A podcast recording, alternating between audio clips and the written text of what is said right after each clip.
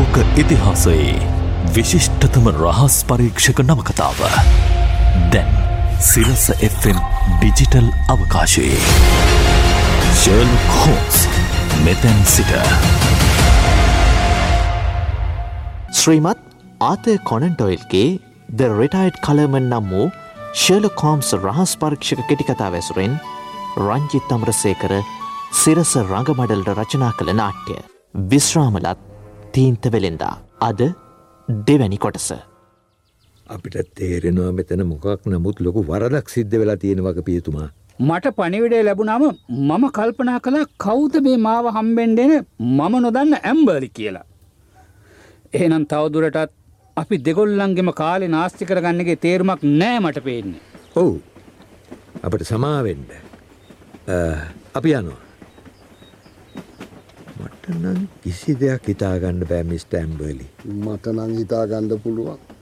අපි උගුලකට හවුන mister home ඒ උගුල තද කලා ඇච්චර අපි කෝකටත් හෝම්ස්ට කෝල් එක කරගෙන කියමු සිද්ධ වෙච්චදේ අර දුම්රිය පුලේ තියෙන ටෙලිෆෝන් එක. දැන්ඩ මං කතා කරන්න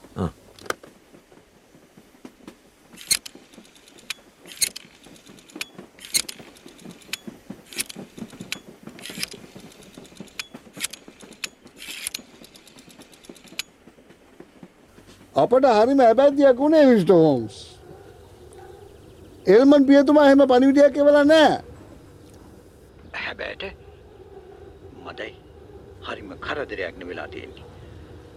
දෙන්න පොඩ්ඩ වොටසන්ට වොටසන් මං හිතන්නේ අදරේ ආපහු වෙන්න කෝච්චයක් නෑ ඔහේ ඉඳලා.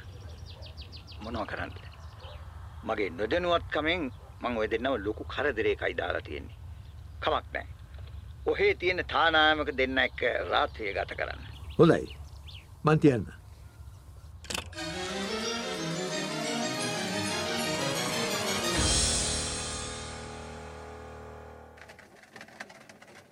බලන්ද මේ අනවශ්‍ය ගමනක් හන්ද කොයි තරම් මුදලක් අපතේ ගියාද කියලා.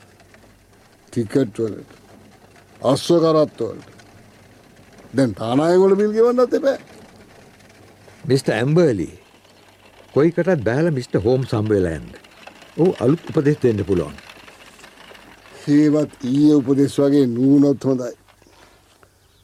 කොයිකටත් මාත් එන්නංකෝ පොඩ්ඩක් නතර කරගෙන ඉන්ඩ මයික්මට එනවා. හෝම්ස් නෑනේ කොහෙ ගිහින්ද මේ තියෙන්නේ ලියවමක් ලියලා. ලෙවිෂම්වලට යනවා. එහිදී හමුවන්න. හෝම්ස්. මොකට දන්න මේ හදි සිල්ලවිෂම් වලට ගියේ? මටත් හරියට කියන්න බෑ. ගිහිම් බලමුකෝ.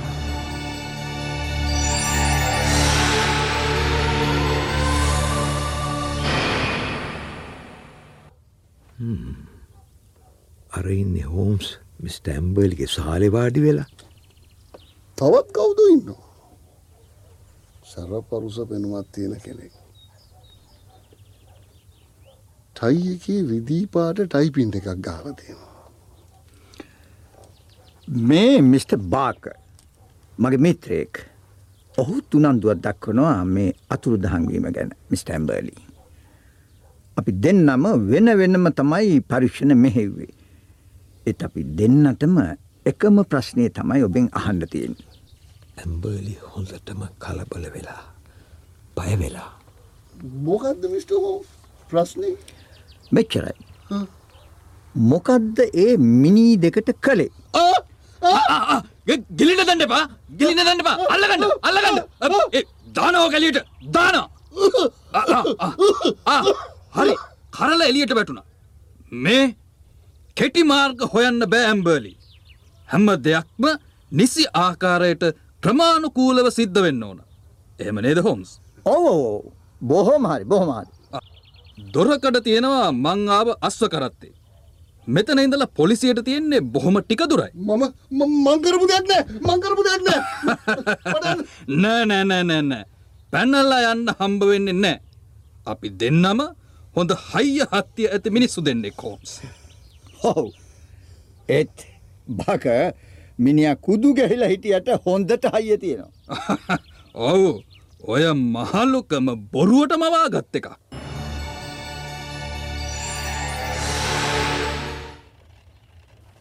මදැයි මාව මේ පාලු ගෙදර සනි කරලා හැමෝම ගියා යන්න.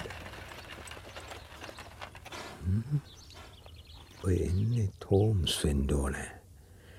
ඔබ ඉක්මන් ඩාපව්වා වනේ ඔව් මම එතන රාජකාරිටික බාකට පවරලා මේ ඉන්ස්පෙක්ට එක් ආපවාව.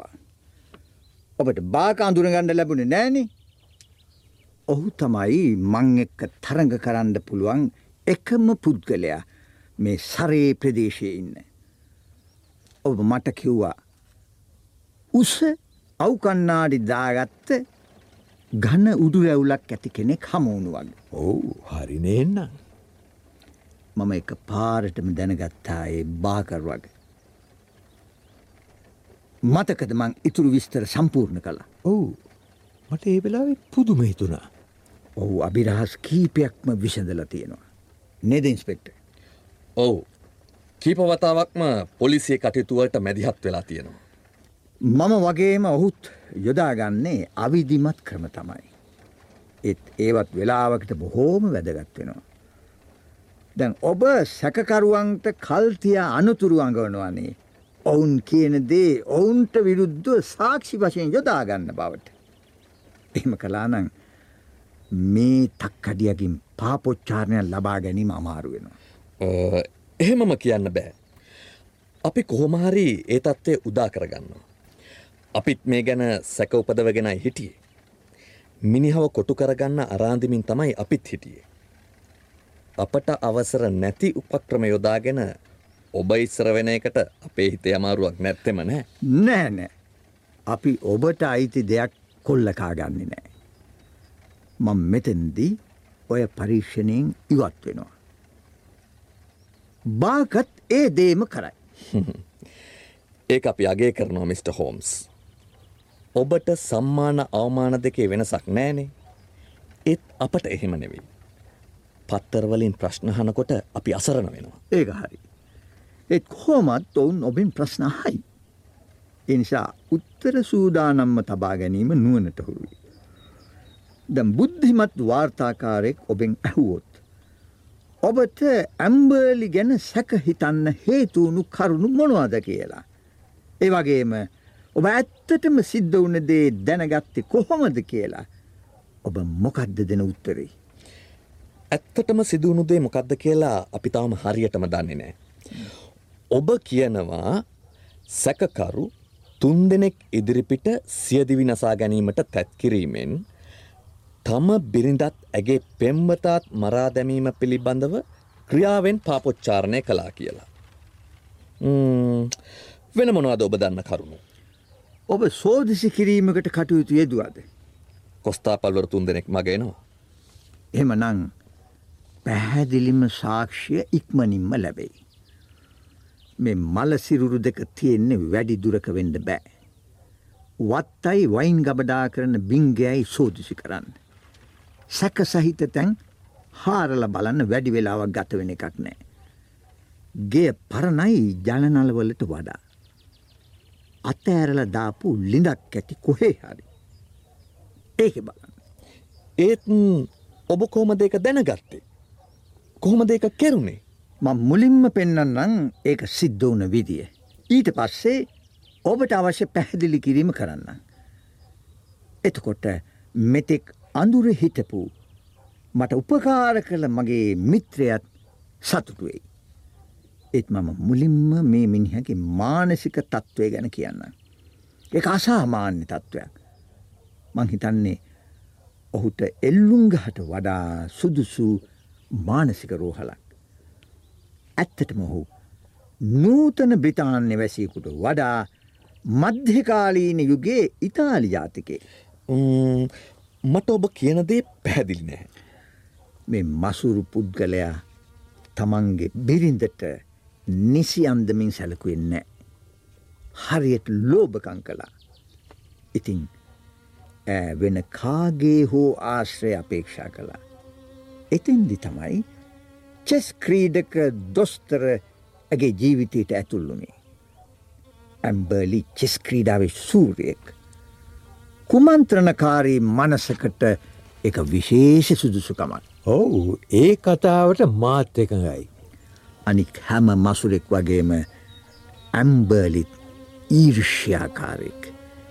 ඒර්ෂ්‍යාව උමතුවක් බවට පෙරලුණා. ඔහු අයුතු සම්බන්ධයක් ගැන සැක කළා. පලිගන්න තීරණය කළා. දක්ෂ විදියට පලිගැනීම සැලසුම් කළා. දැන් අපි අමු ඇම්බර්ලිගේ ශක්තිමත් කාමරයට. ඔහොම ඔහොම ඉස්සරහට. බොහොම සැර තීන්ත ගදක් එෙනවා. ඒක තමයි පළමුුවන හෝඩුවාව. එක නිරීක්ෂණය කිරීම ගැන වොට්සන්ට ස්තුති කරන්න ඕනෑ. ඒත් ඒ ඔස්සේ හිතන්ඩ ඔහු අසමත් වුණා. මම ඒ අඩිපාඩදිගේ ගියා.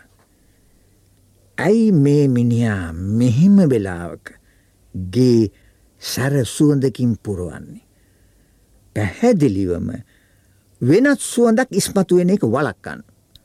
අනික මොකටද යකඩ දොරකුයි ෂටරයකු ඉදාපු කාමරයක්.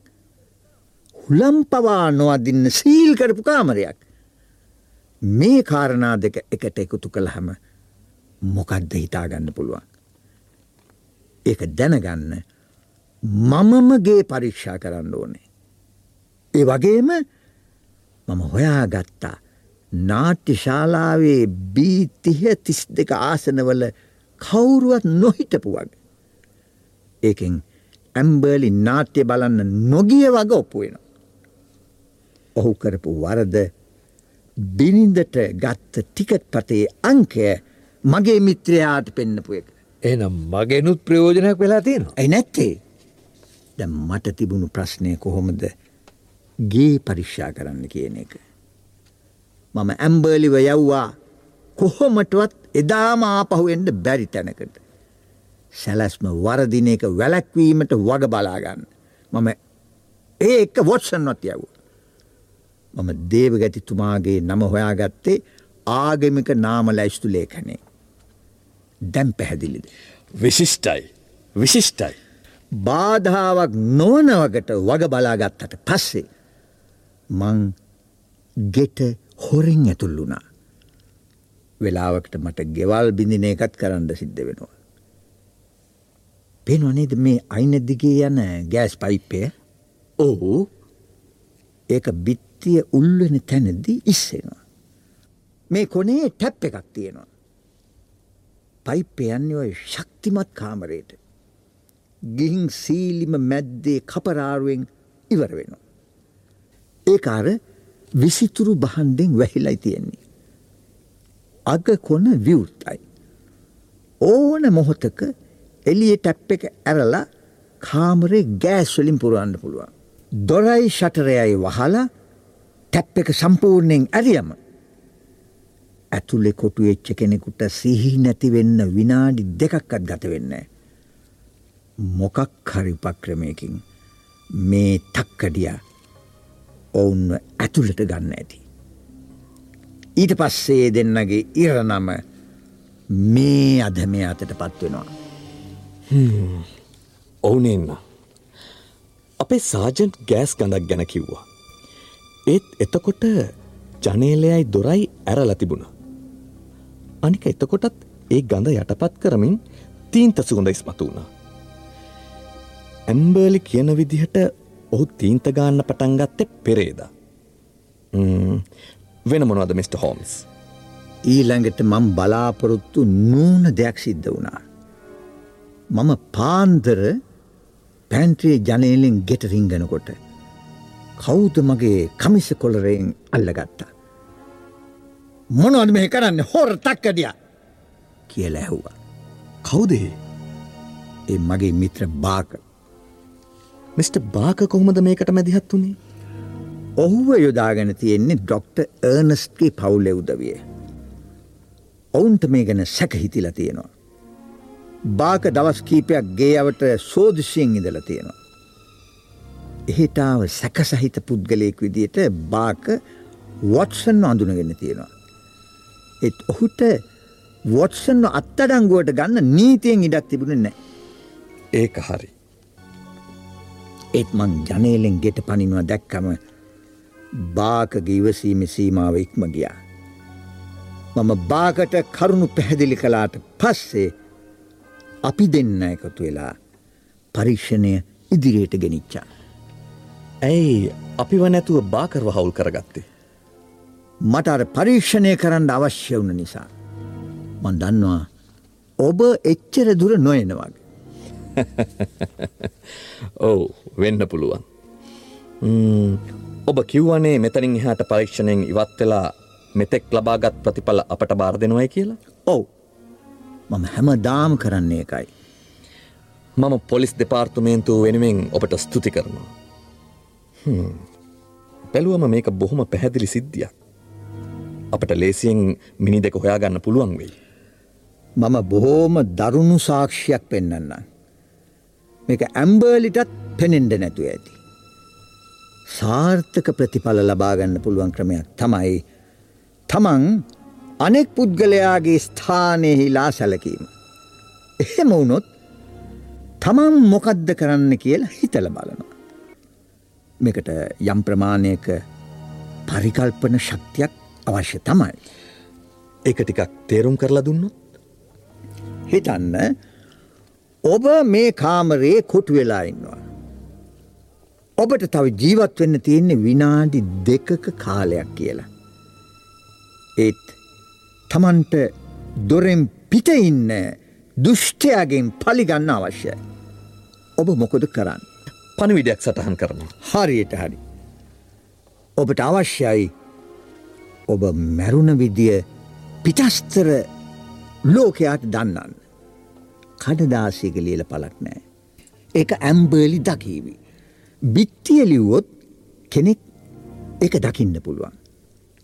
මේ බලන්. බිත්තිය පහල ධාරයට උඩින් දම්පාට නොමැකෙන පැන්සලයකින් ලියල තියෙන දේ අපි අපි එච්චරයි. මොකක්ද ඒකෙන් තේරෙන්නේ ඒක ලියල තියෙන්නේ පොළොවට අඩියක් උඩින් අහිංසකය මේක ලියත් ඉඳල තියෙන්නේ බිම දිගා වෙලා පණ ඇද ඇද. ලිය ලයිවර වෙන්න කලින් සිහිය නැති වුණා. ඔහු ලියන්න උත්සාහ කරලා තියෙන්නේ අපිව මැරුව කියලා. ඔවු මිනිත් එක්ක තීන්ත නොමැකෙන පැන්සල අපි එක හොයා ගන්න.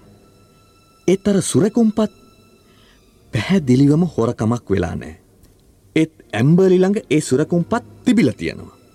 අපි එක හොයල බැලුව. ඒවා නිච්චයටම ආරක්ෂාව ඇති තැනක හංගල ඇති.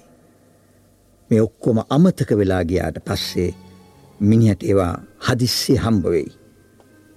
ඔහු කියයි.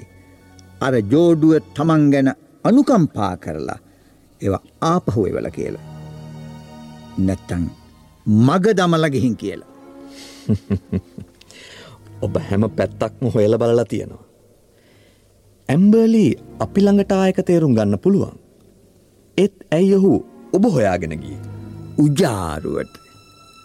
තමන් ගැන කොයි තරම් විශ්වාසයක් තිබුණද කියනවා නං. මිනිහට හිතුනා කිසිම්ම කෙනෙකුට මේක එළිදරව් කරගන්න බැරිවෙයි කියලා. මිනිහට කියන්න ඕනකම තිබුණේ. වෙන එකක් තියා මම ශලොක් හෝම්ස් ළඟටත් ගියා ඒත් වැඩක් වුණේ නෑ කියලා. ජර්ලොක් හෝම්ස් සෑම අඟහරුවාදා සහ බ්‍රහස්පතින්දා දෙනකම සවස හතරට සිරස FM YouTube නාලිකාව ඔස්සේ.